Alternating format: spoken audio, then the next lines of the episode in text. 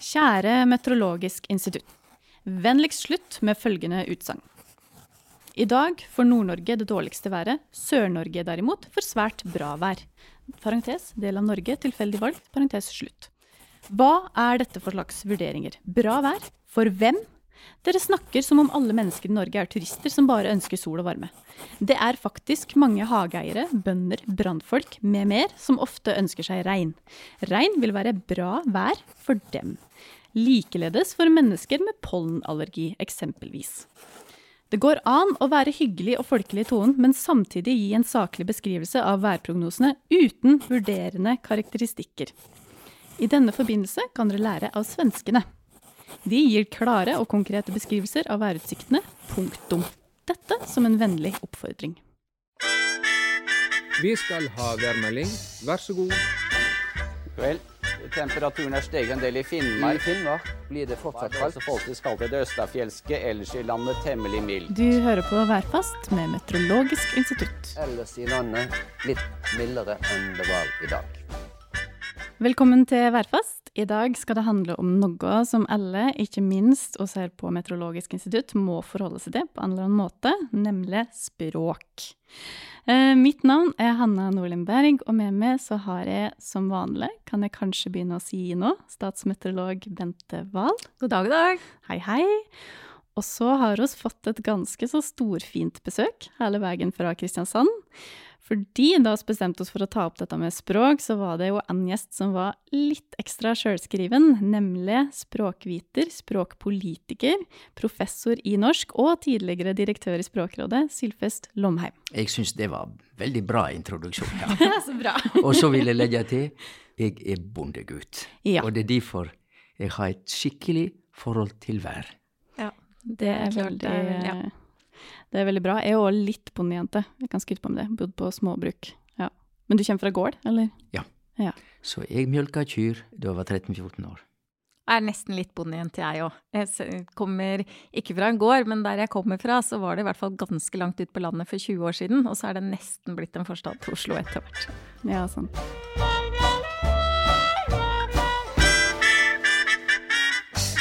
Jeg, jeg starta jo med å lese opp ei tilbakemelding som vi har fått av en av mange engasjerte TV-seere. Og Bente, du er jo en av de meteorologene vi har som er mest synlige. Fordi din, en del av jobben din da, går ut på å varsle været på NRK, både på TV og radio. Og eh, har du fått mange tilbakemeldinger på språket ditt?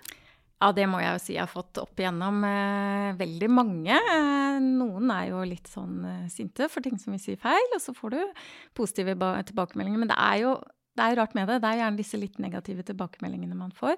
Og man har jo en del ord og uttrykk som man kanskje har vent seg til opp gjennom åra, som er litt vanskelig å avvenne seg med. Og selv om man vet man sier feil, så klarer man ikke å endre på det. Så det og med disse nye mediene som har kommet nå, Facebook og Messenger og sånn, så er det jo veldig lett å gi tilbakemeldinger. Mye lettere enn det var før. Da måtte du ringe Meteorologisk institutt. Mm. Traff en eller annen på sentralbordet som skulle formidle det til en eller annen som skulle formidle det videre. Mm. Mens eh, nå er det veldig lett å putte noe rett i innboksen vår. Så det er jo nesten daglig jeg får noen tilbakemeldinger på et eller annet. Det er såpass, ja. Nesten jo- Ikke alt om språket, selvfølgelig. Nei, men, nei, ja. ja. Nei, men eh, det er nesten skummelt i våre dager. Det er så lett for disse kranglefantene å komme til. Mm. Det er både godt og dårlig med det. Ja Så- da, så, men men også er man jo litt sånn at man vil jo gjerne gjøre ting helt korrekt, så man tar jo til seg disse tilbakemeldingene. Og jeg mener jo det er veldig viktig at vi snakker riktig, og at vi uttaler ting riktig, ikke minst. Eh, Men så er det jo noen ganger da at jeg blir litt frustrert når jeg får liksom den samme tilbakemeldingene, og jeg prøver så hardt å endre på det og gjøre det riktig. Men eh, det er jo noen ting jeg har klart å endre på, da, så um, jeg vil jo gjerne gjøre det riktig, for det hadde jo kanskje vært enda verre om folk ikke sa ifra, og jeg gang etter gang Ja, Men er det sikkert at det som blir påpekt som Ja, et par av tingene er nok ganske sikkert. At det er objektivt sånn at det ikke er riktig? Ja, det, det er det. Jeg har slet lenge med ennå og enda. Ok, ja, for det, Eh, det er en viktig, viktig å si riktig. Ja. Og jeg har i hele min oppvekst sagt det blir enda kaldere. Ja. Og det, den har jeg fått mange tilbakemeldinger på. Men ja, nå, er nå tror jeg at jeg har klart å legge det av meg. Men det var veldig lenge hvor det hindra meg veldig i værmeldingen. For hver gang jeg kom til å snakke om temperaturen, så blir jeg, stopper jeg litt opp, og så tenker jeg hva var det som var riktig igjen? Var det ennå, eller var det enda? Og så blir jeg stressa av at jeg må si det riktig. Men uh, nå Men føler jeg at hukseregelen er jo eh, veldig enkel. Ja, den er veldig enkel, den. Fordi at når det er, når det er kaldere eller Ja varmere, da er det grad. Og enda er alltid det som Ennå om tid og Nettopp. Yes. Så det, det er jo ikke det at man ikke kan det, for man har, lærer seg det, man leser seg det, men så står man der og kommer inn i en boble, Ja. og så er det vanen som driver hvordan du Nettopp. sier ting. Og det tar tid å endre en sånn vane, men jeg tror faktisk nå at det er ganske lenge siden Men jeg ikke sagt det et ikke et paradoks, fordi at du som er statsmeteorolog og snakker om været, det er ditt fag, du blir òg utsatt for krav om korrekt språkbruk som ingen ville sette fram som krav til statsministeren når hun snakker. For hun Nei. ville sikkert tulla med både det ene og det andre. Men samtidig Det er litt paradoksalt, ja, men sånn det er det. Og noen ganger blir jeg litt sånn kanskje irritert over at folk bryr seg så mye, og kan jeg ikke få lov å snakke sånn som jeg snakker?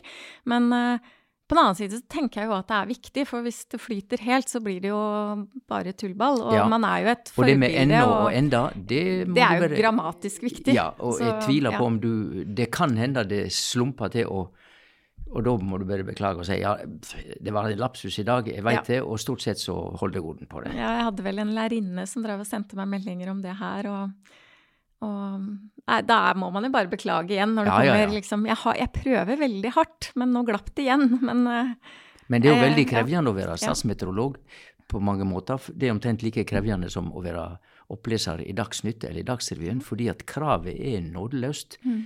Navn på personer, men det gjør ikke Nei. du så ofte.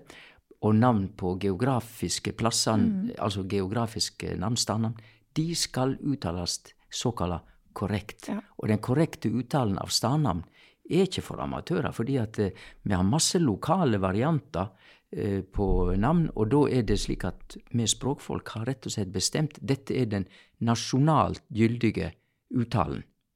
Du kan bare ta eh, et navn som Jeg er født like ved Sogndal, i Sogn.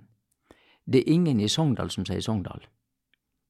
De sier Sogndal. ja. Og i nabobygda der jeg er fra, så sier vi ikke Sogndal, vi sier Sogndal. Og ingen av de to er gangbare i NRK, i Dagsnytt, eller i og for seg i, i værvarsel. Så det er masse navn som rett og slett Du kan aldri vite hva som er såkalla rett. Du må sjekke med de som kan dette her. Og det er derfor òg at eh, for eksempel eh, oppe på Sunnmøre, hvis du skulle ha behov for å si eh, Giske, så er det det som gjelder. Og da må du vite at Trond Giske, han tror jeg sa veldig lenge Giske, fordi at reglene er sånn.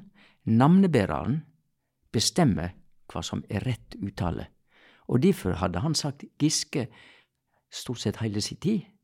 Men så snakka han med meg en gang da jeg var språkdirektør og han var kulturminister. Og da forklarte jeg han at du kan, det er du som bestemmer. Navnebæreren bestemmer, og noe annet prinsipp er jo ikke gangbart. Det sier seg sjøl.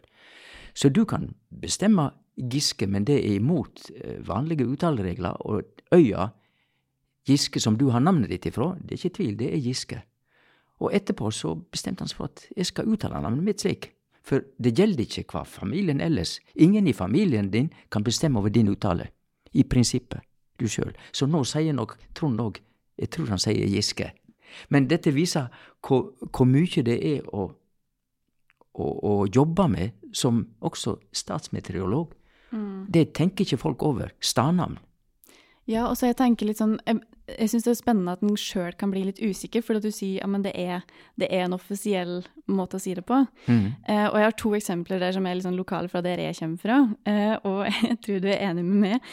Eh, og det er eh, at veldig mange sier lom, men det heter lom. Det, Ja. jeg, det er jeg veldig opptatt av sjøl. Det heter lom, og jeg prøver å si det hele tida, men så begynner jeg å bli i tvil, fordi alle sier lom, som ikke er fra Gudbrandsdalen sjøl, Ja. sier lom. Og det Og de er er så skråsikre. Det er selvsagt feil. Ja. Det skal være lom. Det skal være lom. Slik som Lomheim. Ikke Så Lomheim, nå vet du det, kjære lytter. Vær så snill, si lom. Og så er det en annen ting som jeg håper du er enig med, men jeg tror, det, jeg tror du er det, Silfaus, For jeg tror jeg har lest en eh, liten sånn spalte en gang i Klassekampen om det. Det er det jeg har skrevet, ja. og det er Per Gynt. Nettopp. For alle, Det er som med Giske og Giske. For alle Ja. sier Per Gynt, og jeg blir nesten usikker sjøl, men jeg kommer fra Per Gynt-land, og der sier oss Per Gynt. Og vet du det at det, det er enkelte som har sagt til meg at eh, Ja, men Ibsen han sa sikkert òg eh, Per Gynt. Ja. Ja. det kan godt hende, men dette bestemmer ikke Henrik Ibsen. Nei, han gjør ikke det. Nei. Fordi det, det er ikke tvil om at den personen som er hovedpersonen i dette stykket av Henrik Ibsen, han heter, for det er en historisk person, han heter Gynt. Mm. Per Gynt. Sånn er det. Ferdig snakka. Ja. Ja. ja, tusen takk. Nå ble det eventet, da gjorde dagen min. Og derfor heter det selvsagt Stord, selv om mange østlendinger sier Stord. ja. For jeg tror at det, er ord, det er Stord, med O. Selvsagt. Herregud. Ja, men nå, nå Og så blir er det Hordaland, ikke Hordaland. Det er Hordaland, ja. Yep. Ja, den er ny for meg. Ikke Og? Rogaland, ikke Rogaland. Ja, det er o, ja. Men det er O. Mm. Og slikt. Og så er det selvsagt eh, Feie, det har vi vært borti. Ikke Fedje. Nei, den Og de har vi lapp. Der den står det en klar lapp i studio oppe Det hvor det, det, står uttalen på Feie. For det, Ja. det er en vanlig feil å gjøre blant meteorologene. Særlig nye meteorologer. Og det er jo flere navn, fordi at det, det Husk huks- hu- hu- Feie, ikke Husker kanskje han eh, sangeren de fra Sogndal Mm. som heter Olav Steie? Ja, jeg husker han. Og det blir skrevet Stedje, Mm. men det skal uttales Steie, akkurat som Feie. Mm, ja. Er det flere, har dere flere sånne huskelapper? Nå ble jeg veldig nysgjerrig på den. Ja, jeg har lagd meg da en egen huskelapp på denne ennå og enda, da. Som Ja. jeg har eh, på, utenfor studio i NRK. Bare Ja. sånn for å minne meg på den hver gang. Den er god. Eh, Men nå tror jeg som sagt at jeg begynner å, begynner å klare den. Og så har jeg slitt eh, veldig med Trondheim og Trondheim. Ja, og der er det ikke tvil. Det heter Trondheim. Det vet jeg veldig godt, for det, der har jeg egentlig en god historie. Eller god historie, det er kanskje den historien som sitter mest i ryggmargen med tilbakemeldinger jeg har fått. Eh, For jeg har jo vokst opp da litt utenfor Oslo, og hele mitt liv sagt Trondheim. Og jeg hører jo at eh, de som er trøndere, de sier jo nesten Trondheim, selv om det er jo dialekt, og da er det liksom lov. Ja. Så det syns jeg er litt urettferdig. Men jeg har jo fått mange tilbakemeldinger på at jeg må si at det heter Trondheim. Og jeg fikk en mail en gang. Det er, det er nok kanskje den tilbakemeldingen jeg husker aller, aller best. Jeg satt ute i sola, hadde fri, skulle bare ta på mobilen og kose meg litt og sjekke litt mailer. Og så kommer det da en mail som var så lang, med hele Trondheims historie. Oh. Hvorfor det var blitt hetende Trondheim. Og det var jo for så vidt greit, bakgrunnshistorien. Ja, den kan sånn. jeg godt. Men det verste var at det sto en del setninger om at jeg med overlegg gjorde dette her for å irritere trøndere. Og jeg burde være be... Det, det var altså en så, såpass stygg mail at Oi, den satte seg skikkelig i For ryggmargen. vedkommende ville at du skulle si Trondheim. Ja, nei, Trondheim. Oh. Ikke sant? Jeg sa jo Trondheim. Ja, ja selvsagt. ja. Og det var for å Eh, og det er for så vidt greit, for Ingvild Bryn har også påpekt for meg at nå må du begynne å skjerpe deg og si det her riktig. Ja. Så jeg er veldig klar over det. Det var en lang periode, og Trondheim er et veldig værskille for oss meteorologene. Det er liksom nord og sør for Trondheimsfjorden. Det er veldig Ja, vanlig å si. Så det var lenge jeg prøvde å unngå å si sør i Trøndelag og sånn, i stedet Ja. for å slippe dette ordet som jeg visste at jeg veldig ofte sier feil. Men du vet, eh, Trondheim er veldig bra, for alle vet akkurat hver Trondheim Nemlig. Det er et av de vi mest så er det kjente litt viktig å lære seg å si det riktig. Ja. Men nå tror jeg jeg har klart det. Men ennå så er det sånn at når jeg kommer til Trøndelag, så må jeg ta en sånn bitte liten kunstpause bare for å tenke nå må du si det riktig. Ja, men du må si Trondheim. Ja, for det, men det, det er rart med det. Når man har sagt noe i, i 40 år av sitt liv, så er det liksom vanskelig. Det, tar, det er vanskelig å snu det. Men dette er så følsomt oppe i Trøndelag, og jeg kan fortelle deg Mm. At det har, det har nesten blitt drap. Nei, uff da. Ja, fordi eh, bakgrunnen er jo eh, Mm. at eh, på 1920-tallet så tok de nesten alle navnene her i landet og skrota de danske navnene. For det var jo bare danske navn. Kristiania. Og tenk på, på um, Sogn og Fjordane fylke. Det heter Nordre Bergenhus amt, videre. Dette måtte skrotes, og også bynavn. Og derfor ble det bestemt på tidlig 1920-tall. Kristiania, det danske, vekk. Vi må tilbake til det norrøne Oslo. Og det heter det nå. Det begynte 1. januar 1925. Da var dansketida slutt. Oslo tok over. Og eh, det var forslag om at eh, Trondheim, som er fra dansketida, det går jo ikke an. Det må være Nidaros. Nidaros, det er et flott navn. Det var det gamle norrøne. Men det blir brukt nå bare om bispedømmet. Men jeg Men vent nå. ja. Og så ble det bestemt med Nidaros. Men da ble de så forbanna oppe i Trondheim at eh, ja, det var kamp, og det, det gikk blod, men det gikk ikke liv, heldigvis. Og da fant Stortinget ut at vi må snu. Så de vedtok da at eh, ok, det skal slippe å få navnet Nidaros. I våre dager syns jo alle det er så flott, men de skal slippe Nidaros. Da blir det Trondheim. Ikke Trondheim. Og sånn ble det. Så etter 1930 er det offisielt korrekte navnet Trondheim. Og det betyr det er kun én by i dette landet som har hatt tre offisielle navn i løpet av ett år. Og det er Trondheim. For fram til 1930 så var det Trondhjem. Vedtaket i Stortinget var Nidaros, men de kunne ikke holde det mer enn vel et halvt år. Så ble det Trondheim. Den historien visste du ikke. Nei, nei, nei. Men Dette det er, jo sant. ikke, det er jo ikke rart det er forvirrende da, da. Herregud. Men, men hvorfor tror dere at folk blir så fryktelig engasjerte av det her med språk? Og i værmelding og ellers, da, men kanskje spesielt i værmeldinga. i denne Det er ikke vanskelig å skjønne. Nei. Fordi at språk, det går jo rett inn i oss. Og da peker jeg nå, dette er radio, men jeg peker inn i bringa, i brystet. Ikke bare i hodet, men rett inn i hele kjen... Språk er kjenslig, det. Selvsagt. Og det betyr at med en gang du begynner å diskutere navn og ulike syn på navn, og folk føler seg litt tråkka på, så er det Det blir emosjoner. Det sier seg sjøl. Ja. Eh, Men det med liksom Ja, en ting er emosjoner og, og følelser og at en engasjerer seg, men for å gå tilbake til det der med at det skal være tydelig da, eh, og riktig, hvorfor er det så viktig egentlig at hvis språk noen gang kommer til å engasjere uansett, og det kanskje er litt subjektivt, men hvorfor er det så viktig at det skal være så tydelig? Eller nå var det kanskje veldig utydelig spørsmål stilt, Nei, det, komisk nok. det er et veldig betimelig spørsmål, men svaret er jo egentlig gitt. Det er klart at, at uh, Meteorologisk uh, institutt, som er ansvarlig for å melde vær, og de ansatte i Dagsrevy og Dagsnytt, som er ansvarlig for å melde både politiske vedtak og alle andre store ting, der det kravet om tydelig og klart språk, det står overalt. Og hvis kravet i tillegg er at du skal eh, bruke korrekt standardnuttale, så er det ingenting å diskutere. Enten så må du kunne det som er korrekt, og iallfall prøve å gjøre det korrekt, eller så har du ikke noe der å gjøre. Så brutalt er det. Ja, det er egentlig det. Og det er nok også viktig da ja, som du sier, at det er noen instanser som må på en måte prøve å gjøre det riktig, selv om vi vil jo være ting som ikke er korrekt, og vi vil jo aldri klare å gjøre alle ting helt korrekt. Nei. Men eh, jeg, jeg tror vi prøver veldig godt, og det er vår intensjon i hvert fall å Ja, gjøre det så riktig som mulig. og det skal være det. Og ingen kan klandre noen for at du av og til bommer. Eh, plasser i det Jeg er ikke verken biskop eller prest, men jeg kan jo sitere ei god bok der det står Det fullkomne er ikke jordisk.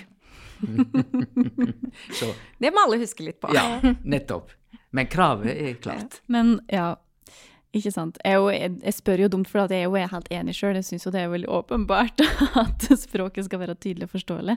Men sånn som eh, eh, uttale på sånn kino og kino, da, så mange sier at ja, men språket er i utvikling, det må vi bare tåle. Eh, hva tenker du om det, Sylfest? Å, det er flott. Ja? Nei, det er flott at jeg får spørsmålet. Ja? Fordi at eh, eh, Nå er det jo sjelden at uh, du, Bente, snakker om uh, kino. Nei, men jeg kan si banan. Kinovær? Ja, banan, men det er noe annet. Ja, og jeg Det, har nok litt men, men sånne kino og kino, for ja. å ta den med det samme, eh, det er det slik at situasjonen i språksamfunnet, det norske nå, er at samfunnet er delt i to. Du har den tradisjonelle uttalen med kino og kinn, jeg peker på kjaken, og så har du den eh, yngre uttalen som breier seg i samfunnet, det er ikke tvil om, som er skinn, kinn, og kino, kino. Og da er det jo slik, og dette er logisk, at så lenge vi har den såkalla korrekte uttalen som er tradisjonell, den er i samfunnet, så er det den som gjelder som korrekt. Og om du, Bente, kommer borti ord som er sj, men det det egentlig skal være kj, så er det feil å ikke bruke den tradisjonelle uttalen med KJ. Men om 100 år, og da er ikke du meteorolog lenger, da er det ingen som sier noe annet enn SJ, og da er det det som er korrekt. Så det som er korrekt, det forandrer seg litt over tid. Men har du vi lever jo i en situasjon når det er kamp mellom to. Det er ikke kampen, altså to ved siden av hverandre. Og da er det bare den tradisjonelle som er korrekt, så lenge den holder seg noenlunde tydelig i samfunnet. Så det er svar på det. Ja.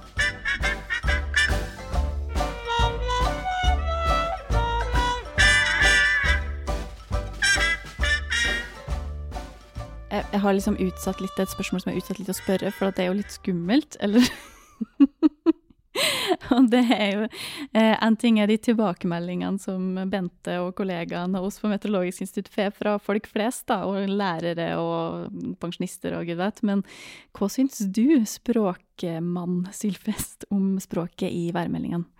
Vet du det at nå, etter at eh, jeg ble ringt opp av Meteorologisk, så har jeg jo hørt på eh, både Bente og de andre litt mer slik nøye. Og jeg er jo vant til å høre på NRK Språk. Da jeg var 14 år språkkonsulent. Så jeg har en automat. Jeg hører både det som blir sagt, og jeg hører automatisk òg på sidesporet hvordan det blir sagt. Og min, min første tilbakemelding er følgende. Jeg er imponert. Det er veldig Nå var jeg litt engstelig. Nei, det er veldig mye godt og tydelig og lettforståelig språk. Det er min observasjon disse 14 dagene. Og det gjelder stort sett alle sammen. Ikke bare deg, Bente, men stort sett alle. Så det er veldig lite uh, å melde tilbake som ikke er bra. Men hvis jeg ikke hadde hatt noen ting som jeg kunne plukke på, så hadde det vært rart. For husk på, det fullkomne er ikke jordisk, og Det det, går alltid an å bli litt, litt bedre. Men, men eh, det er imponerende klart og enkelt og tydelig for alle, det språket som blir servert. Og det er jo selve hovedbudskapet. Men, eh, men det er klart at eh, noen ganger, og det var ikke lenge, det er lavtrykkaktivitet som sånn. Da slo det meg at det er helt unødvendig å si aktivitet. Lavtrykk holder i massevis. For det er jo ikke noe annet enn lavtrykk. Så eh, det går an noen ganger å stramme.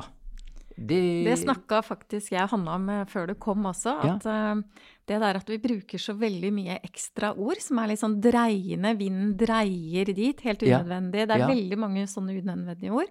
Og eh, jeg som har jobba i 30 år på meteorologisk, Ja. da var det veldig strengt med språket. Vi hadde denne blekka som jeg har foran meg her, som er liksom språket i værmeldingen. ja. Det skal, der står det masse sånn, det skal være så konkret, du skal ikke bruke dreiende, du skal ikke bruke småord, du skal ikke det, som har glidd litt mer ut med åra. Ah, Eh, men fordi man at små ord de gjør språket levende, så han må ikke være så streng på det, altså. Nei, du må ikke være sånn veldig Nei. streng på det, men samtidig når vi lager et sånt tekstvarsel som vi lager det, og du eh, så skal NRK noen ganger ha en kortversjon av dette her. Da må du sette deg ned og virkelig se hva er nødvendig her. Og da ser man hvor utrolig mye unødvendige ord man faktisk bruker når man skriver.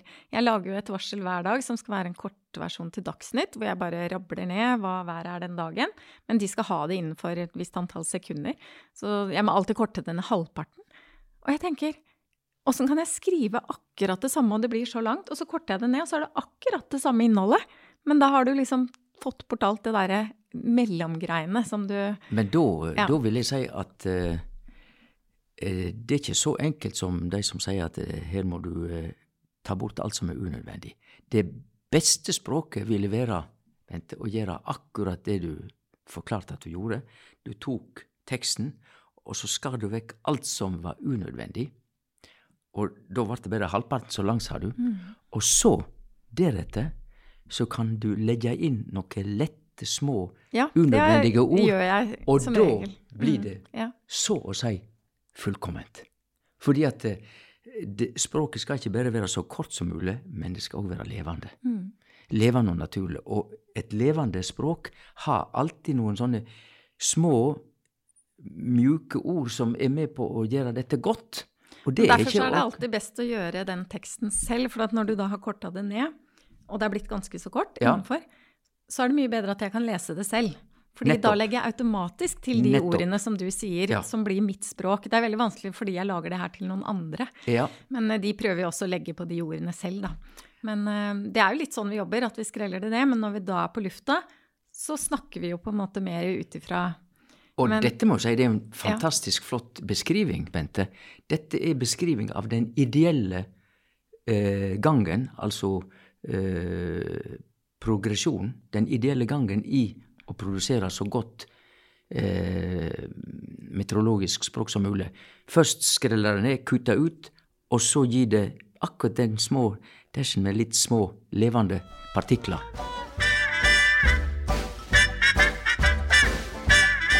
Men jeg tenkte på, for en ting, en ting er litt sånn unødvendige småord og, og alt sånt. Og, eh, men en annen ting som preger værvarselet veldig mye, er jo subjektivitet på en eller annen måte. Det er litt sånn som for den eh, gjengse TV-seer eller radiolytter, så tenker en kanskje ikke over at det faktisk ligger noe mer bak det enn bare sånn pent vær. Men det gjør det. det er, hvorfor hva er egentlig pent vær, Bente? Vi har veldig definerte Disse begrepene er veldig definerte for oss. Vi har Ja. nedskrevet uh, hva både kaldere skal være, litt kaldere, type vind, klart, pent vær skal være eh, per definisjon null til to åttendeler skyer. Vi deler himmelen inn i åtte. Åtte åttendeler i brøk. Litt vanskelig kanskje for noen, men når det er null til to åttendeler, da er det klart eller pent vær. Er det litt eh, mer, så er det lettskyet, og er det en 58 åttendeler, så er det delvis, nei, 57 åttendeler, så er det delvis skyet. Eller så har du 7-8 åttendeler som det er skyet eller overskyet. Så for en meteorolog så er det veldig definert. Men selv om vi har en definisjon som vi på en måte har lært å følge, så er det nok allikevel subjektivt. Ja. Jeg tror nok at uh, hver og en av oss meteorologene legger nok ikke helt det samme i begrepet. Når det er pent vær, så skal det også ikke være nedbør, da. Det tror jeg er eh, viktig. Og det skal også være ja, i motsetning til hva visse innsendere kanskje mener. Ja, og i tillegg så skal det også være litt skyer i hele, hele dagen. Det er en viss mengde av skyer i løpet av dagen og sånn. Men vi er nok ikke sånn helt tro mot disse begrepene. Eh, så det er nok litt subjektivt som ligger i det òg. Men eh, samtidig så prøver vi må vi på en måte holde oss litt til disse begrepene for at vi skal formidle noe som er relativt likt, da. Mm. Så det, Og jeg tror at det har fått til tillegg. For jeg tror at eh, alle voksne lyttere i landet vårt har fått dette gjennom tiår med meteorologisk tjeneste. Så har de veldig klare oppfatninger av pent vær, skyer, lettskyer, overskyer osv. Det du sa. Ja, jeg tror nok mange Det har det. Men vi, vi får en del tilbakemelding på at det er veldig mange som ikke har det også. Oh. Blant annet unge mennesker kanskje, som ikke har det samme forholdet til værmeldingen. Mm. Og da har vi gjerne den diskusjonen hos oss. Ja, men skal, skal det bety noe? Skal vi endre språket vårt Nei. for det? For jeg, jeg er jo litt av den mening at det er enkelte ting man kanskje bare må lære Ja. gjennom oppveksten. De unge at, eh, kan ikke si at uh, nå skal det forandre dette fordi at vi er så unge, vi har ikke lært det ennå, fordi at resten av befolkningen har dette inne. ja, Så de må finne seg i å lære det. For jeg tror det blir enda mer forvirrende hvis vi begynner å snakke veldig forskjellig ut, for da blir det enda mer subjektivt. Ja. Da blir det en vestlending oppfatter eh, Vi har jo også enkelte regnbyger, stort sett oppholdsvær. Da kan det komme 0,4 millimeter nedbør. Eh, lette regnbyger så skal det komme ikke mer enn 2 millimeter. Så vi har en del sånne, sånne begreper også som ikke du tenker på, mannen i gata ikke trenger å vite heller. Men hvis vi begynner å legge subjektive kriterier bak, så ville nok enkelte regnbyger for en på Vestlandet være helt annet enn en på Østlandet. You bet. Fordi Ja. vi har helt for forskjellig forhold til været. Ja. Så jeg tror det er veldig viktig at vi meteorologene har et noenlunde likt begrepsapparat. Og så vil vi selvfølgelig legge litt subjektivitet Ja, men i det det. er så sant. Sånn at uh, Ja. eh, Nei, men her vil jeg bare si at det det, subjektive må det holde fram, ja, den praksisen nok, som vi må nok Ja, ja, ha en del av disse begrepene. Men det har jo vært veldig sterk diskusjon annet med dette pent vær. Mm, det var det jeg tenkte på. At, fordi akkurat det pent vær, det, det i en klimasammenheng, så, kan det, så har det blitt litt hett de siste par åra. Det Ja, var i det skjønner 2018. jeg. Sommeren 2018.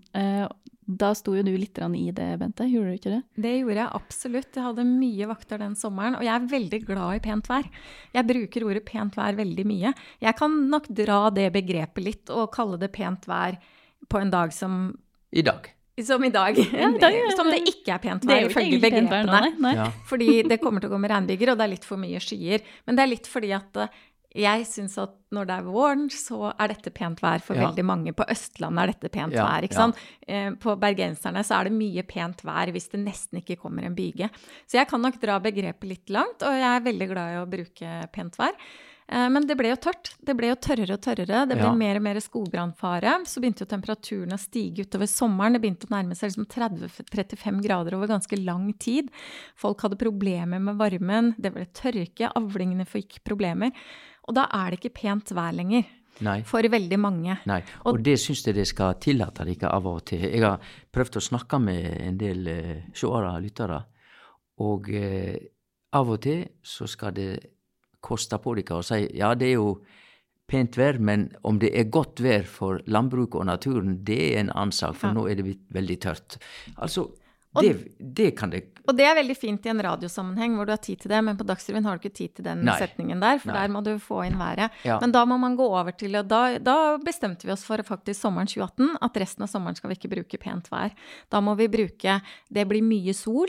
Ja. eh, Det blir varmt og mye sol. Det blir ingen nedbør. Litt andre måter å fortelle at det blir sol og fint vær. Og det skal du det holde fast. Eh, og det samme hadde man faktisk, jeg er ganske sikker på at det var 1947. Eh, da, Ja. Det året så ble det også forbudt å bruke ordet pent vær av samme jeg. grunnen. For det har far min alltid sagt. Jeg var jo ikke Ja. født eh, Men det er et begrep. Og han Ja. sa ja, du veit, Sølvfest, denne heta sommeren, og det var 47. Ja. Ja. Men samtidig så den har begrep, så har det vært en diskusjon i etterkant. Skal vi kutte helt ut eh, bruken av pent vær? Og det er jeg kanskje ikke helt enig i. For sånn, i de aller fleste årene, og flest, eh, store deler av året, så er jo pent vær et veldig innarbeida begrep for oss meteorologene. Men i sånne spesialtilfeller så må vi finne andre måter når det, når det går så langt at det blir store problemer. Og, og det er veldig mange som ikke føler det her som pent vær ja. Og mitt innspill er, som jeg sa, at det skal være forsiktig med pent vær. Ikke skrota uttrykket, men eh, varsomt. Og jeg skjønner, som du sa, Hanne, at det er um, For noen er det ikke pent vær, for det er noen som kanskje har hudproblemer, som ikke kan Ja. få sol, ikke sant, sånne ting. Men samtidig så er det et veldefinert meteorologisk begrep. Ja, ja, Så jeg syns på en måte det er det, det handler ikke om at det er pent for deg eller meg. Det er Det betyr for oss meteorologene så betyr det lite skyer, ingen nedbør. Det er begrepet pent vær. Mm. Men, men hva liksom, bare for å kaste det ut der, da, kunne det hatt noe annet, på en måte? Sånn permanent? Hvorfor ja, vi heter kunne det kalt egentlig det pent vær? klarvær, for eksempel. Ja. Eh, Det kan man jo bruke. Klarvær. Og du vet, det, Mye sol, det tar ikke ikke mye tid å si ja, det er det vi kaller pent vær. Vi kunne kanskje sagt det er klart, det er klarvær, og så ferdig. ja. Og gå videre. Eh, av og til, for da skjønner lytteren, seeren, at det er bevisst det de sier. Ja, så det er, det er, eh, det er særlig det begrepet pent vær som nå Ja. kommer til å bli en mer og mer diskusjon framover, eh, ettersom vi ser at klimaet endrer seg. Ja. Somrene spesielt, Ja. kanskje. Hvor man eh, nok må være litt mer begrensa i bruken av det pent vær. Men det er som med andre, mange andre begreper for oss meteorologer som er innarbeida over 30 år, så er det Mm. veldig vanskelig å endre. Men, men språket endrer seg jo. Ja, Og, og klimaet har endra seg i en retning som gjør at eh, det har tatt vekk litt av grunnlaget for at pent vær er uproblematisk. ja, det For er, det er ikke uproblematisk ikke lenger. Nei. Så. Så det må inn som Mm. bevissthet. Mm. Ja. Men sånn, eh, for å snakke om litt lystigere ting, da, på en måte, eller det er jo ikke så lystig det her, kanskje, men hva med usikkerhet? Fordi det er jo alt eh, oss driver med her på Meteorologisk institutt, det er jo prognoser. Det er jo ingenting som er 100% sikkert. Det er jo med, det går jo ikke. Og så det er jo noe dere meteorologer hele tida må forholde dere til. Eh, det må formidle at det er litt usikkert. Og det kan være litt både problemer og eh, Eller hva man skal si Ja, og det har jo blitt mer og mer aktuelt egentlig de seinere åra at man baserer seg mye mer på sannsynligheter. Fordi vi ser jo det at eh, Før så ga man en værmelding som var veldig overordna i radioen. Det kommer et nedbørområde i løpet av dagen, og det var folk relativt fornøyd med. Mm. Eh, Etter disse appene kom, så er det jo veldig, veldig detaljert, og man ser på ett punkt. Og hvis man kan en del om meteorologi og hvordan man bygger opp en værmelding og inni en datamaskin, så er det helt umulig å si eksakt eh, hvor en regnbyge kommer, f.eks. Og da må vi basere oss på sannsynligheter. Men sannsynligheter er noe som er veldig vanskelig for eh, mange å forstå. Fordi sannsynlighet må også ses i en kontekst. Hva er det sannsynlig i forhold til? Mm. Og det er veldig vanskelig å formidle, og det er en problemstilling vi jobber veldig mye med. At hvordan skal vi klare å formidle denne usikkerheten? For hvis jeg sier at det er 50% sannsynlighet for en regnbyge til deg, så tenker du sånn 50-50. Men 50% er egentlig ganske mye. Mm. Innenfor et Og så er det, er det da der du bor? Er det innenfor et område? Er det innenfor et, en tidsperiode i løpet av dagen? Er det sannsynlighet for en, byge i løpet av 24 timer, eller er det sannsynlighet innenfor um, Viken fylke, f.eks.? Så det er mange problemstillinger i forhold til å formidle sannsynlighet. Og så ligger det nok Én En ting er å si 60% sannsynlighet, men så har jeg et annet forhold til 60% sannsynlighet enn du har. For det er ut ifra hvor viktig det er for meg om det skjer eller ikke. Så samfunnet generelt har ikke forholdt seg så mye til sannsynligheter, men vi gjør det nok mer og mer etter hvert. Mm. Så det er nok et begrep som kanskje blir lettere å forstå med tiden, tror jeg. Ja. For jeg tror det gir et veldig merverdi til brukeren, som får en forståelse av, eh, av det vi prøver å formidle. For jeg syns jo veldig ofte at jeg melder rett. Det er som ja. Når jeg går hjem fra jobben, så syns jeg veldig ofte at i hodet mitt så har jeg meldt rett. Så ja. hender det noen ganger jeg våkner om morgenen og det er tåke, og det hadde jeg ikke tenkt det skulle bli. Da blir jeg veldig irritert. Men veldig ofte så har jeg meldt rett, men allikevel kan jeg møte en på butikken som sier at ja, men hvorfor har du meldt dette her i dag? Ja, men dette var jo akkurat det jeg meldte. Og da det jo Da har jeg jo ikke klart å formidle det jeg egentlig trodde. Mm. Nei, og han har ikke forstått det, du. Og han har, ja, enten har ikke jeg formidla det godt nok, eller han har ikke forstått det. Ja. Og jeg syns jo det er veldig ofte der problemet ligger. Eh, vi melder veldig mye oftere rett enn det folk mener. Ja, ja, ja. Det er jeg helt sikker på.